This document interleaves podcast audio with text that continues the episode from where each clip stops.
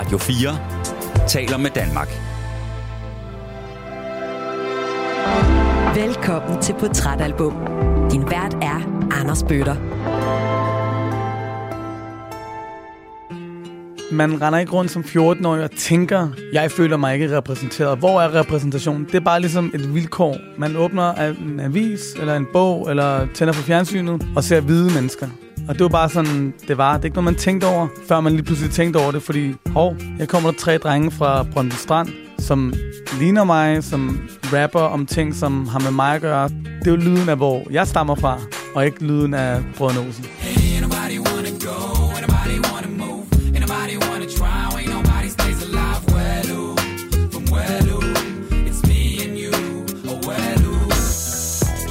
det, der ligesom satte sig fast Outlandish, og gjorde, at det ligesom blev evige i mit, i mit liv, det var det, de rappede om, faktisk. Det var ikke så gangster, det var ikke så kriminalitet, det var bare sådan, hey, der var noget med noget familie, der var noget med noget øh, sådan fællesskab, og noget med at være splittet, og de her temaer, som lå mig meget nær. Øhm, og det var første gang, jeg hørte nogen rap om det, så det var virkelig det, der så mig helt omkuld.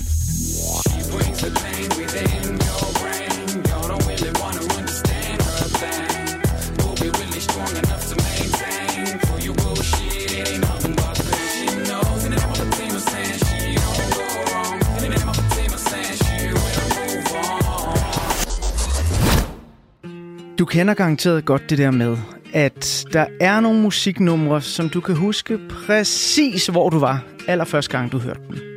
Og her, der taler jeg ikke nødvendigvis om den første gang, du selv satte den her musik på. Nej, det kan være noget, du overhører.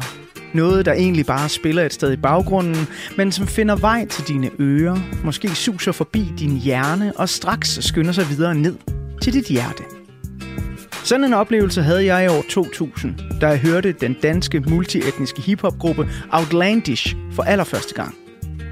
Lidt forhistorie. Jeg var lige kommet hjem fra et toårigt ophold på en international UWC-skole i Indien. Min musiksmag var derfor farvet af 100 forskellige kulturer, religioner og traditioner. Selv var jeg på det tidspunkt mest vild med de latinamerikanske rytmer, som jeg fandt i udgivelser med for eksempel Manu Chao og Buena Vista Social Club.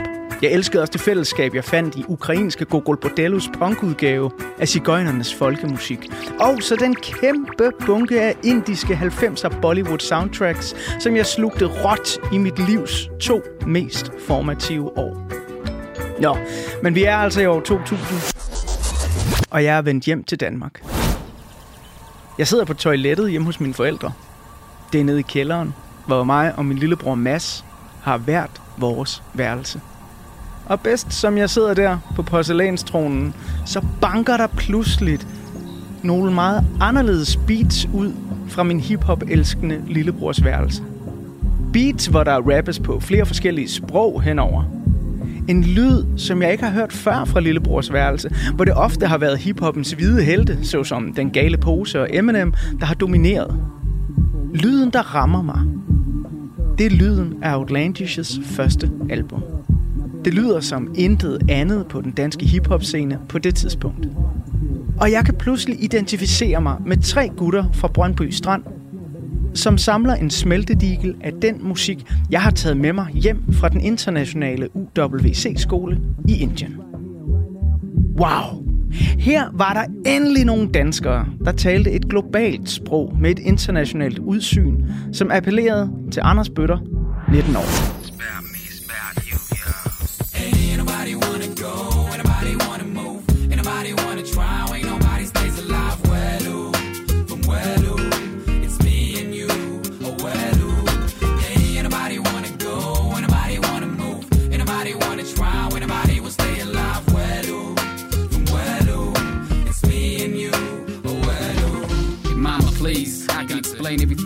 Cry. Had to protect my friend from his friends, I swear, no lie. See, before we knew it, the cops came, put an end to it with these handcuffs. Took me down to the damn cell, cause I'm not a minor anymore tough. Now bail me out, mom, it won't happen again, I promise. Don't tell daddy about this, he's working too hard yeah, to feel this. second guessing, cause you never know when the guy upstairs blessing or testing you in session. Better be ready for confession. We all learn lessons, some way, somehow. When you fear, you bow, and even if you succeed, you take a bow. I'm telling you right here and right now, you need to change. Rearrange your whole point of view, cause for me, it seems strange. Ain't nobody wanna go,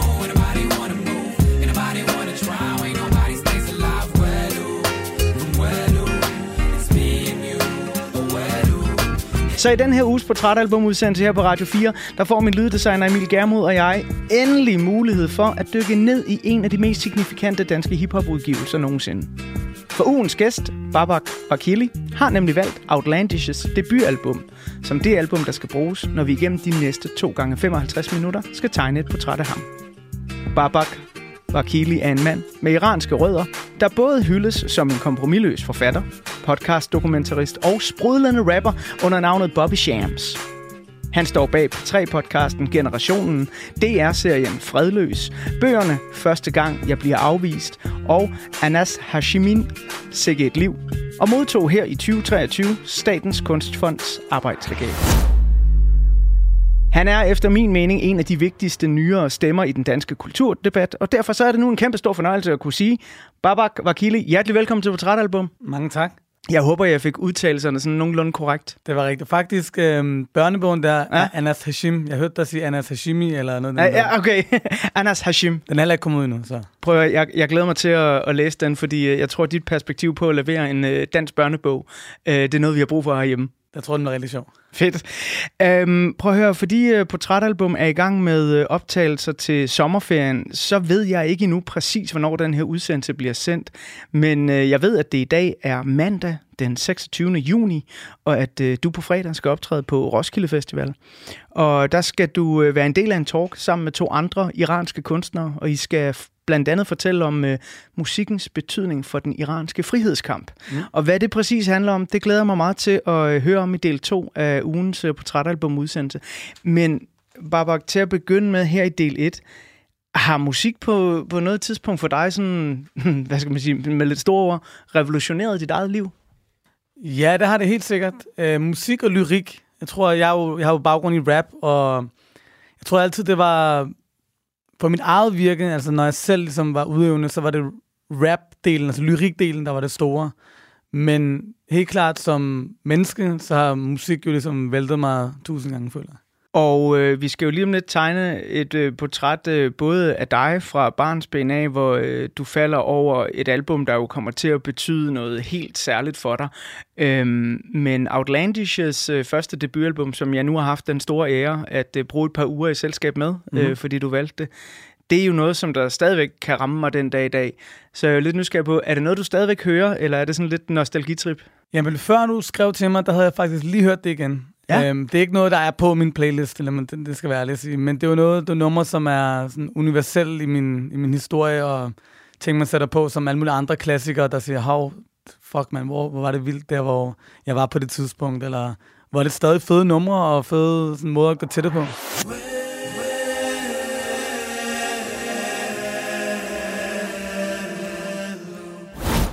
Nu øh, der vil jeg gerne bladre op på øh, den første side af portrætalbummet. Vi er i øh, år 2000. Det er året, hvor du fylder 14 år. Og øh, der er et billede af dig på den her side, hvor du lytter til Outlandish for første gang. Mm-hmm. Kan du ikke prøve at beskrive for os øh, på det her billede, først og fremmest, hvad er det for noget musik, der rammer dig på det tidspunkt? Sangen Walu, den første sang. Det er ligesom det, det store hit og singlen. Og det, det er ligesom... Kender du det, når man føler, man hører en sang, som man har hørt før? Altså, hvor melodien og omkvædet er så universelt. Det her, det er som om, det, det er større end det her spor. Det er sådan, det er sådan, det er en, det er en historisk sang på en eller anden måde, følger jeg. Det er en måde, bare rent melodisk, og jeg snakker ikke så meget teksten, men rent melodien i den sang bliver sådan bare fuldstændig bagover. Altså fuldstændig. Hvad, hvad tror du, det er ved, ved selve melodien og og måden at, at lyde på, der det er sådan... Altså, fordi jeg fortalte jo lige min historie, hvordan jeg, sådan, jeg er et par år ældre end dig, Mm. og er virkelig blevet sulten på musik, og sådan, så, så jeg synes jo også, det er en helt anderledes lyd, end det, jeg har været vant til. Men, men hvad er det altså? Er det deres måde at lave beats på, eller instrumenteringen, strygerne? Det her, det er helt, det er helt specifikt i som B's måde at synge på. Ain't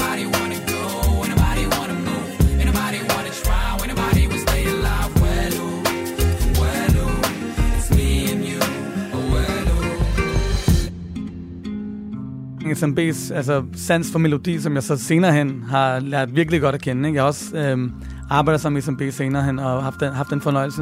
Det er helt sikkert ham for mig, der har været den. Det er helt sikkert den måde, han synger på. Øhm, dertil kommer selvfølgelig, når man når så lytter til resten af pladen også, øhm, især der samplinger af, du var selv inde på det, indiske samples, og de rapper på urdu, og altså, det er sådan, det er sådan en mishmash af ting, man ikke har hørt før, men som var meget bekendte for mig.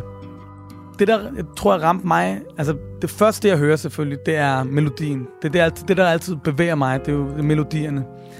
Øh, men det, der ligesom satte sig fast ved Outlandish, og gjorde, at de ligesom blev, lad os kalde dem endegyldige, eller sådan evige i mit, i mit liv, det var det, de rappede om, faktisk. Det var både det, at de, ligesom, de brugte nogle lyde, som lød mere som noget, man skulle tro, en som mig kunne kende, men det var meget mere, at det der nede på jorden, det var ikke så gangster, det var ikke så kriminalitet, det var bare sådan, hey, der var noget med noget familie, der var noget med noget øh, sådan fællesskab, og noget med at være splittet, og de her temaer, som lå, meget, meget, som, som lå mig meget nært. Øhm, og det var første gang, jeg hørte nogen rap om det, så det var virkelig det, der slog mig helt omkuld sådan efterfølgende. Det må have været en virkelig kraftfuld øh, oplevelse, altså fordi jeg, som sagt, jeg kunne vildt godt lide det, men jeg tror ikke, jeg, jeg kunne ikke identificere mig på samme måde, som du nok kunne. Det, det må være lidt ligesom at, at blive hørt for første gang. 100 procent. Det var, det var det virkelig. Nu øh, kunne jeg godt tænke mig at bladre op på en ny side af portrætalbummet, hvor øh, vi lige ser på, øh, hvor det er, du kommer fra på det her tidspunkt i dit liv. Så på den her side, der er der et billede af dit barndomshjem. Der, hvor du vokser op, eller i hvert fald der, hvor du er, hvor du er sådan en små 14 år gammel og hører Outlandish. Hvad er dit barndomshjem for et sted? Ja, det, det jo faktisk sådan, det er ikke i mit barndomshjem, jeg hører. Det er meget specifikt sted, jeg hører Outlandish Ja, første gang. hvor er det Øhm, henne? Så jeg ved ikke, om jeg skal fortælle mit barndomshjem, eller det sted, jeg hører. Jeg vil gerne høre det, det sted, du hørte det første gang. Det er begge to meget hjemlige steder for mig. Det er på første salen i Urbanplanen, i sådan de her rækkehuse, hvor mine, øh, mine kusiner bor.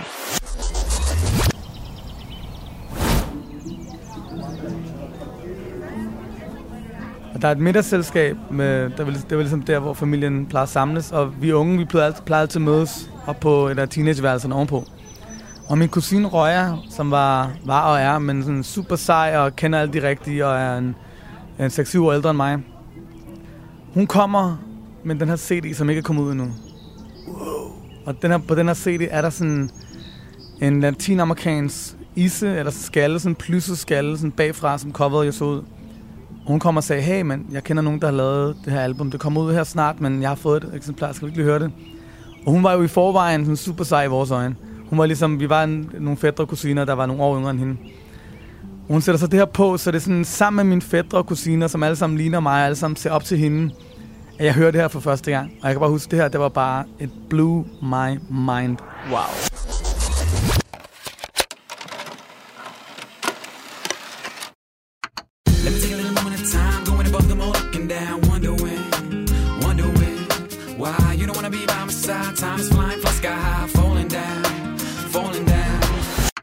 Men har du nogen idé om, sådan, når du, det har du ikke vidst på det tidspunkt sikkert, men når du ser tilbage på det, altså har det været sådan den endelige udgave af albumet, eller har det været nogle demoer? Det var, eller? det var pladen. Altså, det, var, simpelthen pladen. Det var den plade, som jeg selv endte med at købe. Ikke? Wow. Hvor jeg tror, det bagpå, så er der sådan øhm, Lennys ise, eller ise, det hedder det sådan noget, hovedskal, sådan plysset Mm.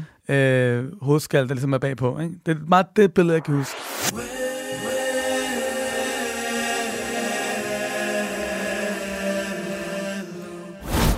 Tilbage til det barndomshjem, du kommer fra. Hvis man øh, skal give en kort beskrivelse af, sådan, hvad, hvad det er for et sted. Hvordan øh, føles der? Hvordan dufter der? Hvordan er der? Jamen, mit barndomshjem, det var, det var to forskellige steder. Mine forældre blev skilt, da jeg var 5-6 år, så jeg refererer til det, der ligesom var efter det, der hvor jeg ligesom selv begyndte at dyrke øh, kunst og kultur og musik. Øhm, jeg vil ønske at kunne sige, at mit barndomshjem var et sted, der var fyldt med musik og kunst og kultur og poesi, men det var det ikke.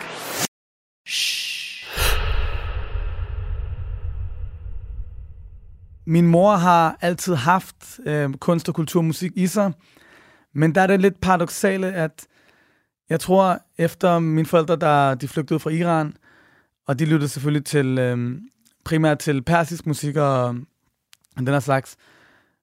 Min mor, hun efterlod det lidt med sig, fordi jeg tror, det får forbundet med en masse meget smertefulde minder, både at miste sit land og miste sin familie. Så jeg er faktisk vokset op i et meget stille hjem, hvilket jeg altid har været ret ked af. Og øh, hver gang jeg læser en, en, et interview med en musiker, der siger, ja, i mit barndomshjem, så lyttede vi til Stevie, og så alt det her, og vi dansede, og jeg var sådan, der var helt stille i mit hjem. Og det har jeg altid været ret ked af, faktisk. Um, det, det har så ændret sig med årene, og min mor er faktisk selv begyndt at spille musik nu i, for en 10 år siden, og begyndt at skrive poesi, og, og hun har jo ligesom haft musikken i sig, men jeg tror, det mindede hende for meget om ting, der gjorde for ondt. Og vildt nok, ved du, hvad der har gjort, at hun så nu begynder at, at kunne se den del af sig selv, og, og den del af hendes historie i, i øjnene? Ja, altså tid, tror jeg simpelthen. Tid. Øhm, det, det tror jeg. Og det, ja. Men, men barndomshjemmet der, altså, det er jo klart, når, når ens forældre er flygtet fra den uh, islamiske revolution i, i Iran, var, det var i 79, mm-hmm. øh, de flygter, så, så bærer de, man jo noget bagage med sig. Ja, revolutionen i 79, de flygter nogle år senere, ja, øh, okay. i 84. I 84. Men, men har du sådan en fornemmelse af, når du ser tilbage på det, at, at den her stillhed, den også skyldes, at man bare på noget tungt, altså noget svært, altså var der sådan en trygghedstemning i barndomshjemmet? Nej, altså jeg vil sige sådan her, min, øh, min mor og jeg, vi ligesom, vi voksede op sammen, skulle jeg til at sige. Øh, vi havde... Min mor lærte mig ligesom at, være, at kunne stå på mine egne ben og være mig selv. Men jeg tror for min mor, der var der det ligesom at flytte til et nyt land og ligesom at være alene med et barn og alle de, de praktiske gørmål, der er med det. Det der med at sørge for, øh, øh, barnet får en uddannelse, sørge for, at barnet lærer de her ting det er altså basen, så at sige, men så tror jeg, der ikke var, der var ikke var sådan vildt meget overskud til overbygningen, så at sige. Øhm, også måske med den bagage, man, man bærer på. Men jeg, jeg skal skynde mig at sige, jeg, jeg holder mig altid lidt tilbage med sådan at udtale mig på vegne af min mor, fordi mm. det føler jeg bliver sådan lidt øh, ind i hovedet på hende. Det må man spørge hende om. Men ja. øhm, jeg tror helt sikkert, der har været, der, det har ligget inde i hende, men det er ikke ligesom, det er ikke foldet sig ud. Og øh, du fortalte lige før, hvordan du hører Outlandish for allerførste gang hjemme hos øh, en kusine i øh, Urbanplanen, som ligger på Amager, som øh, var jo sådan et øh, øh, meget kendt boligprojekt øh, tilbage i, jeg ved faktisk ikke, om det er 60'erne eller 70'erne, men, men jo som i hvert fald øh, fik noget at ry på Amager, kan man sige. Mm-hmm. Men dit barndomshjem, det er ikke på Amager, vel? Der, hvor er vi henne der? Jeg voksede op på Nørrebro, hvor jeg stadig bor. Øhm, jeg, var, jeg har boet ligesom nogle forskellige konstellationer, men alle sammen på Ydre Nørrebro, øhm, sammen med min mor. Og det her, det er jo så lidt sådan om, om de øh, ydre omstændigheder mm. i din barndom, hvor du bor, hvem du er sammen med, og øh, jeg kan mærke, at kusinen der betyder noget. Du lyser helt op, når du snakker mm. om hende. Det er vildt dejligt at se. Men hvad med indeni? Hvem er øh, Babak, 14 år, i år 2000? Jamen, han er sådan en, der... Jeg tror, han har begyndt at rappe lidt. Han er i hvert fald begyndt at, Han har i hvert fald skrevet i nogle år. Han har skrevet et, øh, skrevet digte på engelsk primært. Han har skrevet et valentinstik til sin mor, blandt andet. Øhm, han er også begyndt at rappe andres tekster i hvert fald. Tupac og Den Gale Pose og Øskes også. Og sådan. Han er ligesom lidt sådan en papegøje-funktion. Bare sådan... Ham, der sidder bagerst i klassen, er bare rapper, ikke? Øh, jeg klarer mig egentlig ret godt i skolen. Jeg var meget sådan... Jeg var boglig forholdsvis stærk, så... Det, var ikke, det, det, det skal ikke lyde som om, jeg ikke lavede mine ting, men jeg var sådan en snakke person. Ikke? Jeg snakkede rigtig meget. Og jeg havde sans for at skrive, og kunne godt lide at læse. Og det her rap her, det synes jeg var rigtig fedt. Især Tupac og, og de her drenge. Og så kom Outlandish ligesom ind i det. Ja, fordi det, jeg tænker også, det, det, altså jeg begynder også godt at kunne forstå den der sådan, øh, hvorfor din hjerne bare eksploderede, fordi når du siger sådan den gale pose og Tupac, og jo, de har nogle ting derhen af, men Outlandish er jo, og det er jo også det, der gør det album så unikt, ikke? At, mm. at det lyder bare som noget, man overhovedet ikke har hørt før Nej. på en eller anden måde.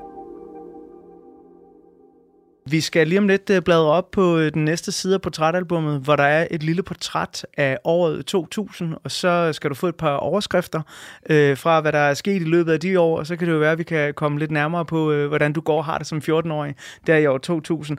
Øh, jeg skal lige høre, øh, fordi nu hørte vi lidt af Valu øh, i begyndelsen af udsendelsen her. Vi skal have resten af den lige om lidt. Det er jo et af de numre, du har peget på, som værende sådan ret centralt. Mm. Og det er vel også pladens, vel sagt, største hit, ikke? Det, det er så stort et hit, at det kommer med på den næste plade også. Ja, det har jeg også stenet lidt over. Sådan, at det var sådan en... Det der faktisk, jeg tror, der er to af dem, eller tre af dem, der kom med på den næste plade også, hvor man bare sådan tænkte, den, den, øh, den skal vi have igen. Men, men øh, af alle de mange numre, du kunne vælge, altså er det her sådan bare, fordi det er det første, du hører, at øh, du har taget det med? Det er jo ligesom måske det største... Øh, det mest toneangivende Outlandish nummer for mig. Men der kunne være mange numre på alle mulige forskellige måder, der, gik, der gør forskellige ting for mig. Og øh, når vi nu skal høre resten af Varlo, inden jeg øh, bladrer op på den næste side af portrætalbummet, så kan man jo lige lytte rigtig godt efter, efter det super sprøde kor, der ligger på den her skæring. Fordi det bliver nemlig leveret af en ung mand, der hedder Burhan G.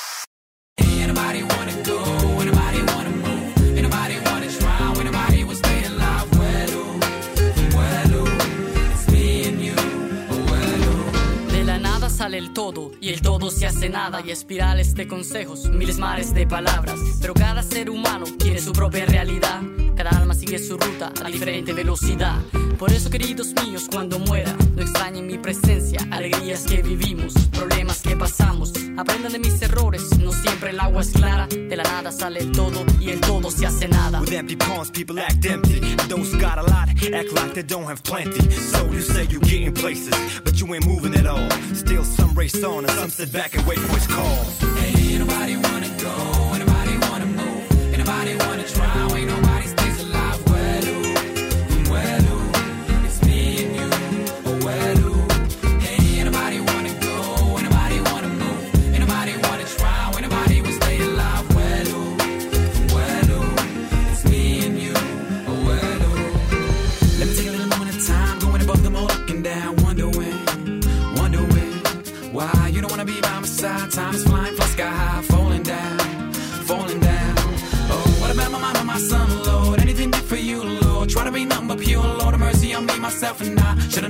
There. Body cool when I was already here. Suddenly I'm out of soul, that I feel so low when I feel the show, no matter where I go.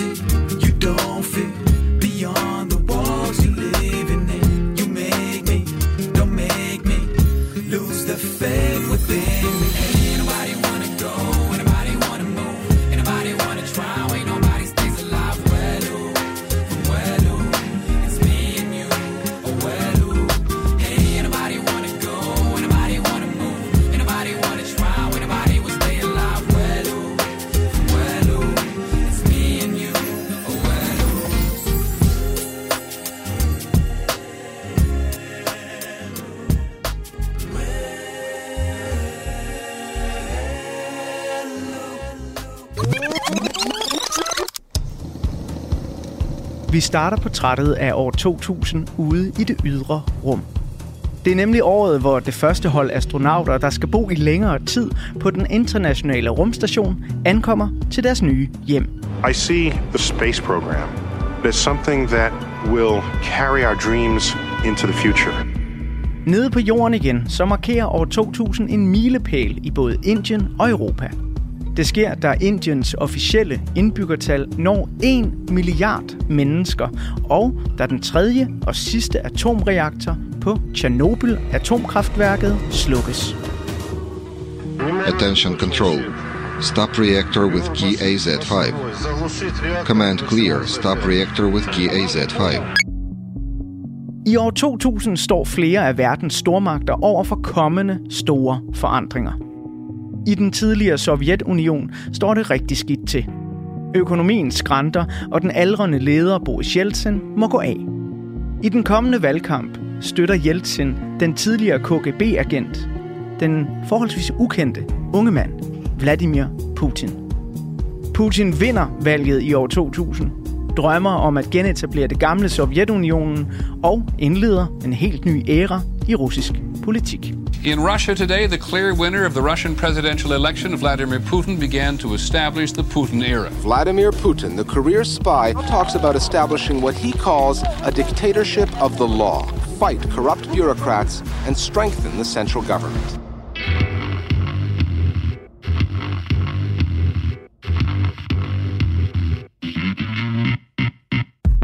Vil man i år 2000 gerne flygte lidt fra virkelighedens rå realiteter, så kan man fornøje sig med Sonys nye konsolspils flagskib, PlayStation 2. Det er en maskine, som kommer til at forandre computerspil dramatisk. PlayStation 2 er stadig her i 2023 den mest solgte spilkonsol i verdenshistorien. Den står i mere end 155 millioner hjem verden over. Det har en vis charme af at være den konsol, der har det mest mærkelige bibliotek. Fordi nogle spil, ved du godt er lort. Det mest forfærdelige spil, huh, Legend of Camelot.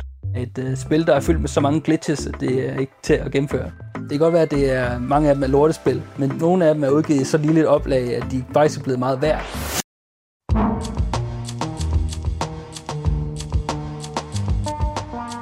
I biografens mørke, der kan man i år 2000 nyde Lars von Triers vinder af de gyldne palmer i Cannes, det lille storværk Dancer in the Dark. Eller også så kan man lade sig forføre af Tom Hanks, der har lange samtaler med en bold i filmen Castaway. Eller man kan se Russell Crowe slå på tæven i Ridley Scotts nye storfilm Gladiator. He'll bring them death. And they will love him for it. Are you not entertained? Er man barn i Danmark i år 2000, så er der rig mulighed for at få store biografoplevelser. Vi er nemlig i et år, hvor den danske instruktør Per Fly ikke bare brillerer med sin barske spillefilmsdebut Bænken, men min sanden også har tid til at instruere stop-motion børnefilmen Prop og Bertha. Det sker i øvrigt samme år som animationsfilmene Hjælp, jeg er en fisk, Snedronningen og Cirkeline, Ost og Kærlighed for premiere. Nu kommer der en ny cirkeline-film. Ja, den er helt splitter ny, og den hedder Ost. Og, og, og. Altså, en nu. Kærlighed. Hej, bedstefar. Bedstefar, kan du spise for meget ost, ligesom man plejer? Bedstefar! Nogle af årets største hjemlige overskrifter handler blandt andet om den lille danske IT-virksomhed Giga, der bliver solgt til amerikanske Intel for 10 milliarder kroner. Det sker cirka samtidig med, at politikeren Hans Engel forlader posten som politisk leder for de konservative for at blive chefredaktør på Ekstrabladet. Det er også året, hvor 42.000 cyklister krydser Øresundsbroen lige inden den officielle åbning, og året, hvor brødrene Olsen vinder det internationale Melodi Grand Prix. Første Grand Prix i det nye årtusind er vundet af Danmark. Sådan, Babak. Øh, det var en lille kort overflyvning over år 2000. Øh, Playstations cirkelinefilm, øh, atomreaktor og noget i det ydre rum, øh, og øh, sådan noget med Brødrene Olsens øh, Melodi Grand Prix. Er det noget, der ringer nogle klokker øh, for dig, eller er du bare helt i outlandish land her? Nej, nej, nogle af dem, jeg, jeg sad og tænkte, især da du læste biograffilmen op, tænkte jeg, åh oh, nej, den kender jeg slet ikke. Og jeg, jeg, jeg, så tænkte jeg, det, det, jeg tænkte, de kulturelle referencer er slet ikke mig. Jeg vil sige, Gladiator, ja. den var jeg på. Okay. Øh, men alle de, alle de andre, selvfølgelig Brødrene Olsen, øh, der vil jeg sige, der skal man virkelig leve under en sten, hvis man ikke lige blev fanget af, at de vandt. De vandt det hele der, ikke? Jo, jo, jo. det var den helt store for, hvad er det, anden gang i Danmarks historie, ja, vandt vi. Og så kan jeg også godt, jeg vidste ikke, det var 2000, men Øresundsbroen og Hans Engel, han, blev, han blev, gik jo af for noget for spritkørsel. Jo, jo, jo, og hamrede ind i en betonblok på en motorvej. Jeg var jo lidt politisk interesseret allerede der måske. Øhm, jeg har læst statskundskab, ja. jeg ved ikke, om vi, vi fik sagt. Jo, jo, og, og jeg er faktisk lidt nysgerrig på netop, fordi du siger, altså du er kun 14 år her, øh, og, og sådan noget som at være politisk øh, vagt og politisk interesseret, er det noget, øh, der sådan er, er kommet ind i barndomshjemmet, eller hvor, hvor kommer det fra? Jamen, jeg tror måske, det er kommet ind med modermælk, men jeg tror ikke, det er kommet ind med sådan over spisebord og snak politik. Og, altså det er noget, jeg tror, jeg har været naturligt interesseret i. Og så har jeg haft venner, der ligesom har, jeg skulle til at sige radikaliseret mig, men i hvert fald vækket mig og sat mig i retning af altså, politisk, nogle specifikke politiske ideologier, især på venstre side af spektret. Ja. ja, det gik også op for mig, da jeg skrev det her lille portræt. Så altså, nu snakker vi jo om en plade, der øh, uh, Outlandish's første altså debutalbummet, som jo, øh, om ikke andet i hvert fald gør det, at jeg tror, en masse mennesker pludselig føler sig repræsenteret mm. øh, og hørt på en måde, de ikke har er blevet før i Danmark. Og når jeg sådan ser på de her børnefilm, der kommer ikke mm. H.C. Andersen, Snedronningen, Propper Bertha og Cirkeline, det kan næppe blive mere hvidt dansk. Jeg, jeg, har ikke set, jeg har ikke set nogen af dem. Nej, overhovedet ikke. Overhovedet. Men det hører vel også med til historien, at man som 14-årig i år 2000 på Yder Nørrebro, øh, søn af to iranere, ikke føler sig særlig repræsenteret i den danske kultur. Det, det gør man ikke, og det er vigtigt at sige, at man render ikke rundt som 14-årig og tænker, jeg føler mig ikke repræsenteret. Hvor er repræsentationen? Det er bare ligesom et vilkår. Man åbner en avis, eller en bog, eller tænder for fjernsynet, og ser hvide mennesker. Og det var bare sådan, det var. Det er ikke noget, man tænkte over, før man lige pludselig tænkte over det, fordi, hov, her kommer der tre drenge fra Brøndby Strand, som ligner mig, som rapper om ting, som har med mig at gøre, som rapper på beats, der ligesom lyder som ting, som... Og igen, jeg har ikke gået og lyttet til det her i mit barndomshjem, så når, det er derfor, jeg sagde det med mit barndomshjem før. Så det er ikke fordi, der er samples ligesom... Nå, men det har jeg altid lyttet til, men jeg kan jo godt høre, det er jo lyden af, hvor jeg stammer fra, og ikke lyden af Brødrene Olsen.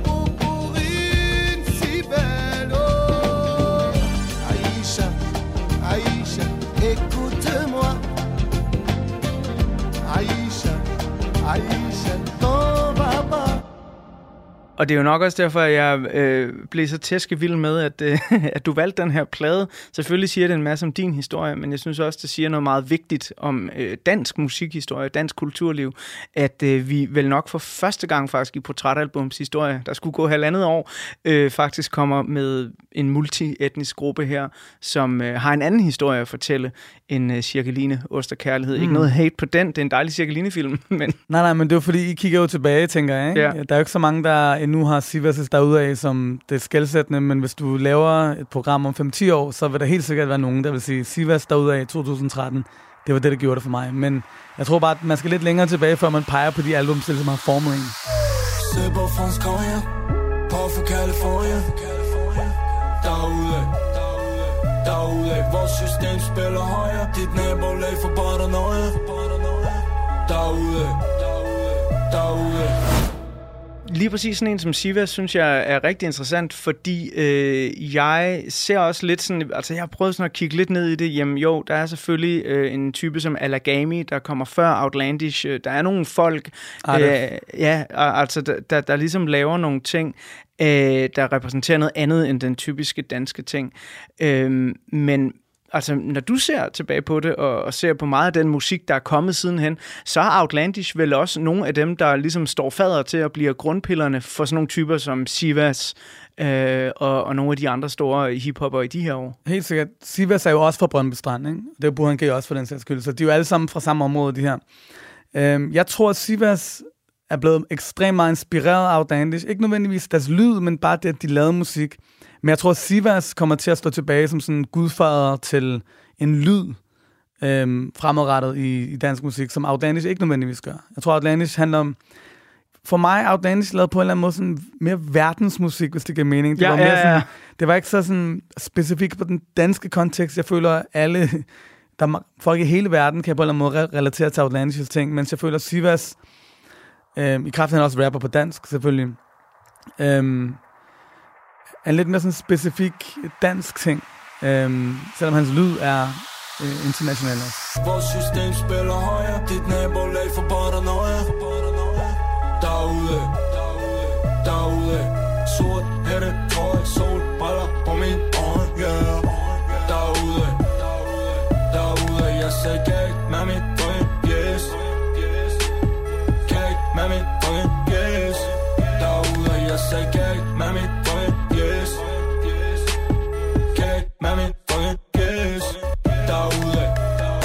Nu øh, ved vi sådan lidt om øh, den tid, du øh, går og hører det her album i, øh, og derfor så synes jeg, at øh, vi også for de lyttere, der måske overhovedet kender Outlandish, eller ikke har hørt Outlandish Official, som deres debutalbum hedder, så skal vi lige om lidt øh, bladre op på den næste side af portrætalbummet, hvor øh, jeg vil tegne et lille portræt af Outlandish.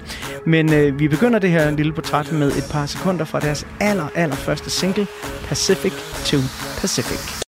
See worlds in misery. I feel all my enemies are here. Battle never dies, and I fear you fly away, leaving me here. Tell me, gentle flower, can you give me power to maintain severe pain in my heart? I feel so strong. I wonder why people got to suffer singing songs with pain. The poison they shit it runs deep in my veins.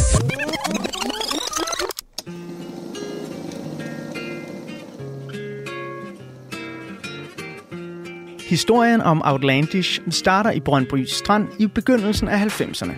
I ungdomsklubben Søholdt mødes tre knægte, der udover en stor kærlighed til Michael Jackson og hiphop, har det til fælles, at de kommer fra familier, der har rødder, som strækker sig langt ud over Danmarks grænser. De to muslimske gutter, Isam og Vakas, kommer fra en marokkansk og en pakistansk familie. Og katolske Lennys familie har rødder i Honduras og Cuba.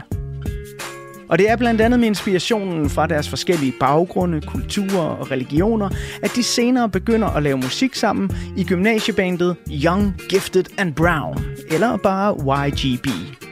I 1997 tager de navnet Outlandish og udsender i samarbejde med Amnesty International deres første single Pacific to Pacific.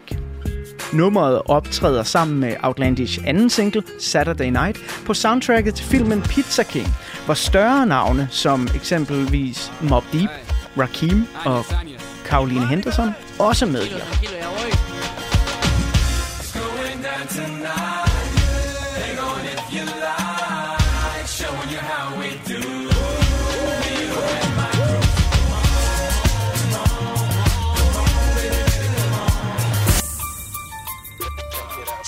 I 1999 der går Outlandish så i gang med at indspille deres debutalbum Outlandish Official. Det skulle blive Danmarks første multietniske hiphop-album. Et album, der sprudler af legeløst og kærlighed til så forskellige ting som indiske Bollywood-soundtracks, latinamerikanske rytmer og rap, pakistansk folkemusik og amerikansk hiphop.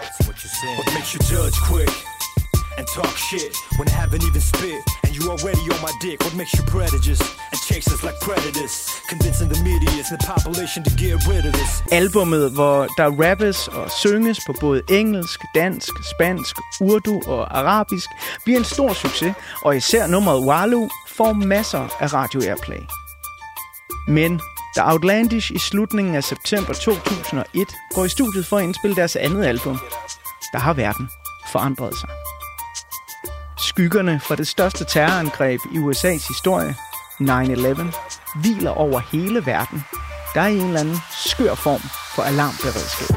9-11 brought the same loss felt by every American, but it also triggered an onslaught of anti-Muslim sentiment that has only risen in the decades since. Men i en tid, hvor alverdens forskellige kulturer, religioner og regeringer i et komplekst geopolitisk verdensbillede fører skyttegravskrig imod hinanden, så beslutter Outlandish sig for at gå kontra. Deres andet album, Bread and Barrels of Water, søger imod den simple medmenneskelighed og livets enkle glæder. Og sådan et album er der brug for i begyndelsen af nullerne, og Bread and Barrels of Water bliver et stort hit. Det udkommer i Danmark i 2002 og udsendes i en international udgave i 2004. Skubbet på vej af den enormt stærke første single Guantanamo, når albumet at sælge mere end 2 millioner eksemplarer verden over. Mi casa es su casa. The grass is greener on my side. And I got all my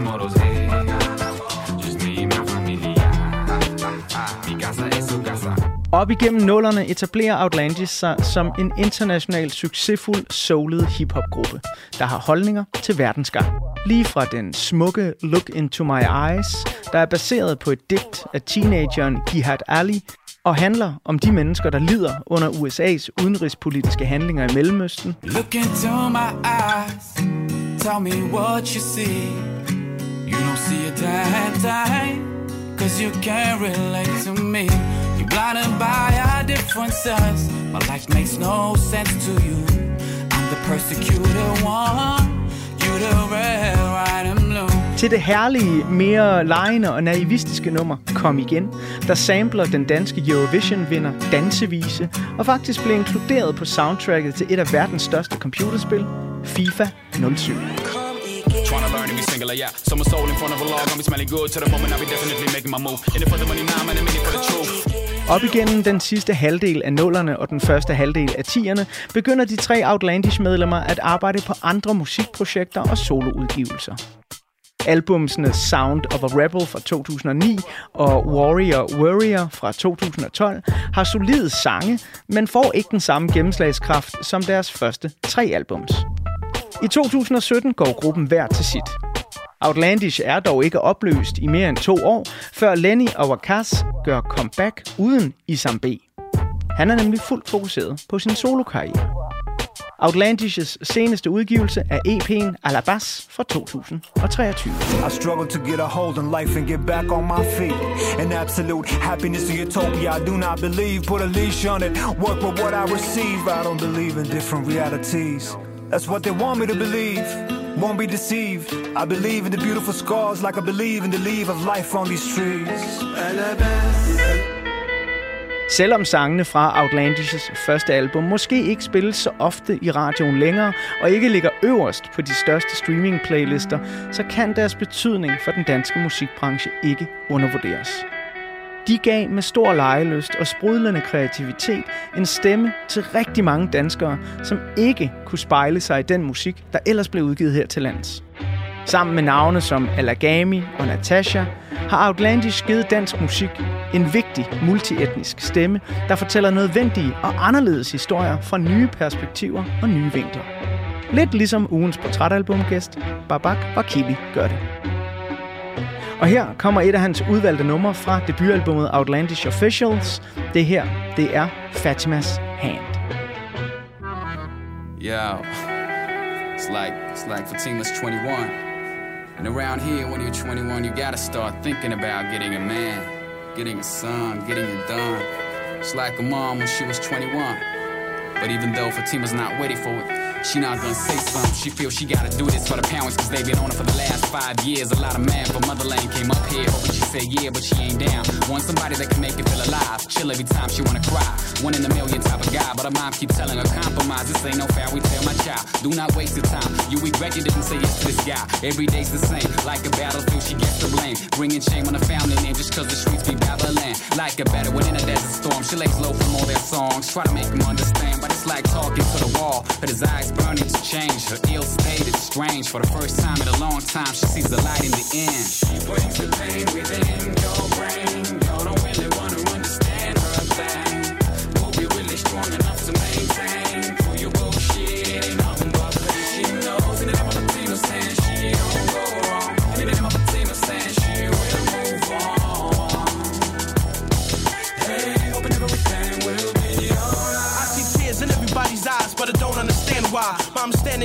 Kitchen preparing dinner while she cries. As the pain spreads inside, there's something that's going on. Denial of my first question. Second time, got no response. To lose someone that had always been there. She always had my back, and she always did care. So with these lines right here, I wanna explain how much I love you. No matter what you do, I will forever stay true. Until this day, can nobody tear us apart? Ten years has passed, but you're still living in my heart. Truly, no poetry can explain how much I miss you. No matter where you are, you will always be my sister. She brings the pain within your brain. You don't really want to understand her thing. Will be really strong enough to maintain. For your bullshit ain't nothing but pain. She knows in the name of Latino saying she don't go wrong. In the name of Latino saying she will move on. Hey, hoping everything will be alright. Con la mano de Fatima sobre su alma encantadora, su camino es protegido, no importa cuál escoja, y ella fue escogida para verla y admirarla. En sus ojos tiene un algo impagable su retrato, y cada vez que pasa, lo duro se ablandece, la noche se agrandece, lo malo desvanece. No la olvidarán, la esperarán al otro lado de esta vida, su amor alumbrará, su voz les cantará en las memorias, los momentos de pasión, de afecto y comprensión, los retratos y recuerdos dando vuelta a las fantasías. Su aura es la alegría, lleva la mano de Fatima. Smukt nummer det her, med en øh, vigtig tekst, synes jeg også, Babak. Mm. Øh, hvorfor er det et af de numre, du øh, har udvalgt? Jamen, det er jo det her nummer måske er alle numrene, hvor de er mest specifikke på en eller anden måde, i den, at de udtryk for, at vi kommer fra en kultur, hvor der er nogle specifikke tematikker, som er, som er, ja, som er særlige, som ikke sådan, som majoritetsdanmark måske ikke kender til eller ikke har oplevet. Og det er jo det her med kvinders autonomi, kvinders frihed, kvinders ret til selv at vælge, hvem de skal dele deres liv med, og alt, hvad der dertil hører. Øhm, måske 2023 kan man snakke om, om er det en mand, der skal lave sådan en sang, og skal kvinder ikke selv, og alt det her, men på det her tidspunkt, der var det, det var lidt uhørt, at man bare, bare det at rap om ægteskab i sig selv er sådan mærkeligt, ikke? Fordi det, det er usekset, men det er sådan Og det der bare tror, at Out, Outland kunne, det var bare, de var så nære på en eller anden måde. Og de, Majid, eller Majid, uh, rapperen er med på det her nummer, og de, øhm, jeg tror bare, det er ekstremt menneskeligt, det, det de ligger for dagen. Og det var meget rørende faktisk for mig at høre. Var det også noget, altså i det miljø, du voksede op i, som for nogen var en smule kontroversielt? Nej, faktisk ikke. Jeg vil sige, det der ligesom er særligt ved mig i forhold til Outlandish, også i forhold til det sted, jeg voksede op, det er, at jeg ikke er muslim. Så jeg har ikke um, mange af de um, specifikke ting, du siger med at bede og øh, fase, det ved jeg. Men også, men også kulturelt i forhold til ægteskab og sådan ting. Dem har jeg ikke selv haft ind på kroppen, men jeg voksede op i et miljø, hvor det ligesom har været alle nærværende. Så det er noget, jeg, jeg trods alt godt kunne relatere til, eller kunne genkende fra mit eget miljø. Øhm, men nej, jeg oplevede aldrig... Øh, altså, det var heller ikke, en, det var ikke sådan en voldsom tekst. Det var, meget, det var en beretning. Det er en meget smuk tekst, altså, men, men det er jo netop... Altså, jeg, jeg ser det også som en, en kvindefrihedsgørende tekst på en eller anden måde, eller i hvert fald en historie, der fortæller mm. øh, om, om en del af Danmark, som især på det her tidspunkt måske ikke øh, er, er så set af alle.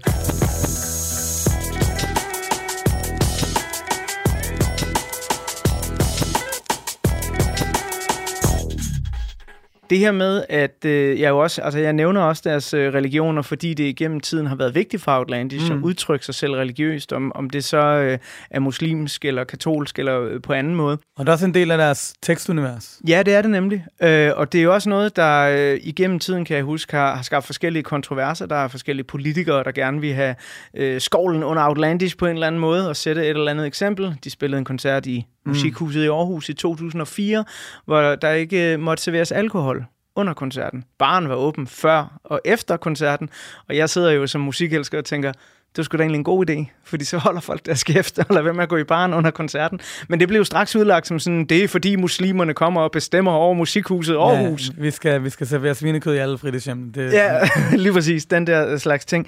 Men i det miljø, som, som du er i, i din øh, barndom, altså betyder det noget for nogle mennesker også, øh, at dem, der elsker Outlandish, at der er et religiøst udtryk her? Det kan jeg faktisk ikke huske, øhm, nødvendigvis.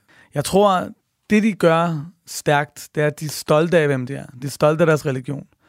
Øhm, og, det, og selv for mig, som ikke er muslim, var det vigtigt for mig, at de var stolte af at være muslimer. Hvorfor det? Fordi jeg tror, du skal også tænke på, nu kommer Outlands plade ud i, 20, i 2000, og jeg tror, det er mod slutningen af 2000 endda. Øhm, og, og verden ændrer sig jo i 2001, og ikke kun i september 2001, men også i november 2001, hvor vi får sådan det her paradigmeskift i dansk politik, så at sige, hvor Dansk Folkeparti og den indvandrerkritiske stemme, røst, ligesom kommer mere ind i midten af dansk politik med VK-regeringen, som har støttet Dansk Folkeparti. Øhm, så man føler jo, altså siden da, jeg er jo 14-15 år her, skal du huske, og det er jo ligesom ens formative år i forhold til at forstå, hvem man er i verden, hvordan man er i forhold til det andet køn, men også bare racisme og diskrimination, alle de her ting. Og der føler min generation, der kalder det, jo, at vi er under et konstant pres, under konstant kritik, under konstant sådan, og det er lidt uagtet, om man er muslim eller ikke muslim, fordi jeg er jo ikke muslim, men jeg føler også, det handler om mig, selvom de siger, muslimer er kvindeundertrykkende, fordi det handler om os, der kommer fra den muslimske verden. Det er jo det, I mener, føler vi. Og det kan man mene om, hvad man vil, om det er rigtigt eller forkert, og øh, man kan mene om islam, hvad man vil. Men vi havde i hvert fald en følelse af, de kan ikke lide os. De hader os. Vi er dem, de andre ikke må lege med. Vi er fra Nørrebro. Sådan og sådan og sådan. Og her kommer Outlandish og træder ikke tilbage. Og de er jo ikke, altså, de, de er jo ikke rent som politi- i deres tekst kontroversielle. De er jo ikke sådan nogle fuck the police. Nej, eller, overhovedet ikke. Men de, bare, de står ved, hvem de er, og de er ikke bange for det. Og det tror jeg øh, for mig betyder rigtig meget.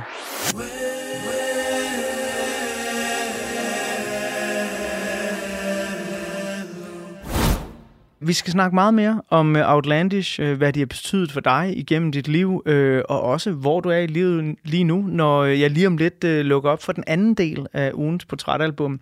Men inden jeg klapper portrætalbummet i for den her del 1, så skal vi høre et af mine favoritnumre, som jeg har tilladt mig at vælge. Det nummer, der hedder Copenhagen Morrow, eller CPH Morrow, om man mm. vil, øhm, som også har Majid, den her fantastiske marokkanske danske rapper, med på.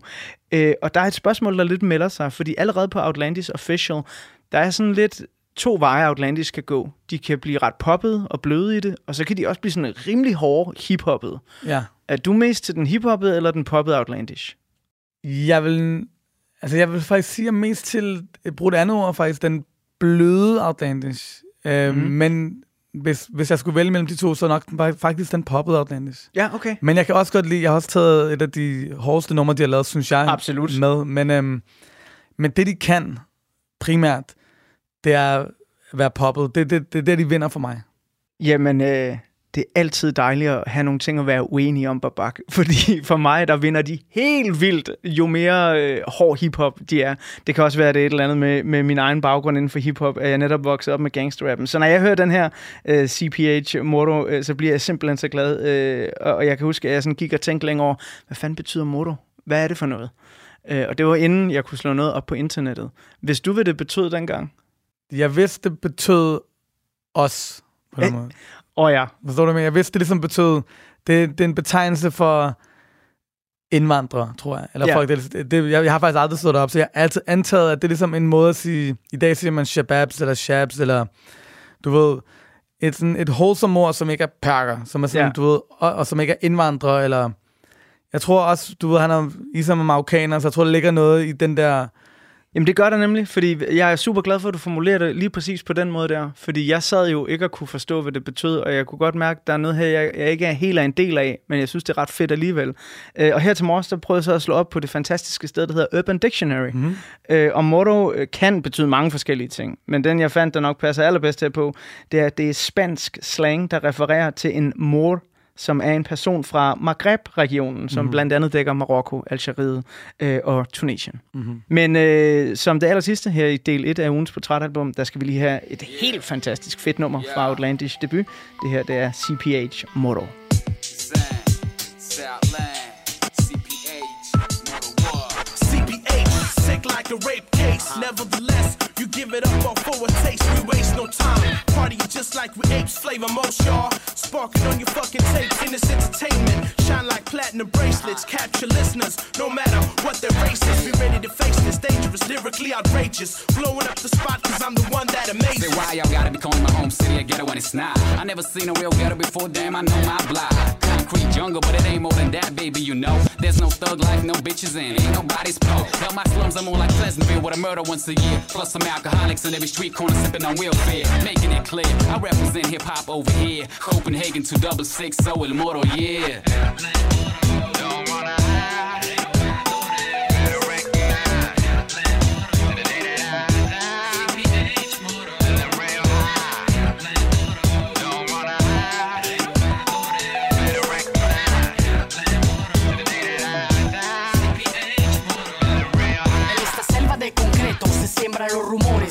Crecen, se abultan, desvanecen a cada amanecer. Con lengua de serpiente, venenoso anochecer. Yo, dicen conocerme y una vez me han mirado o han pasado por mi lado. Mis pasos son contados en los oscuros callejones. La vida no vale nada si no es para vivir. ¿Por qué pasar el tiempo comentando mi existir?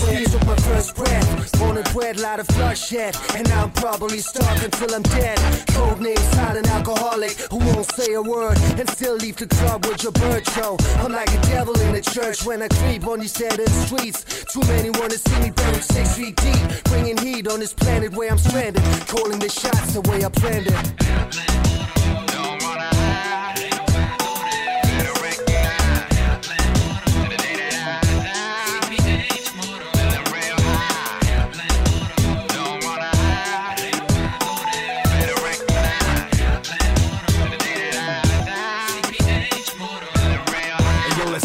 Let's see if you stand a chance. You wanna go toe to toe with the best, but can't keep up your pants. I plan more to represent and conquer your camp. With a million hardcore immigrants, we doing biz. Live and directed, digging what we doing, chasing figures. Stick our itchy fingers on triggers, I playing niggas. We taking hip hop to the next level. Sky's the limit for us devils. Don't cause trouble, but revolution like we rebels. CPH mortal, leaving my mark like Soto, screaming mortal. And cock the hammer, Copenhagen to Havana. They say we mainstream, out for the cream. But hip hop's about changes and fulfilling your dreams. Yeah.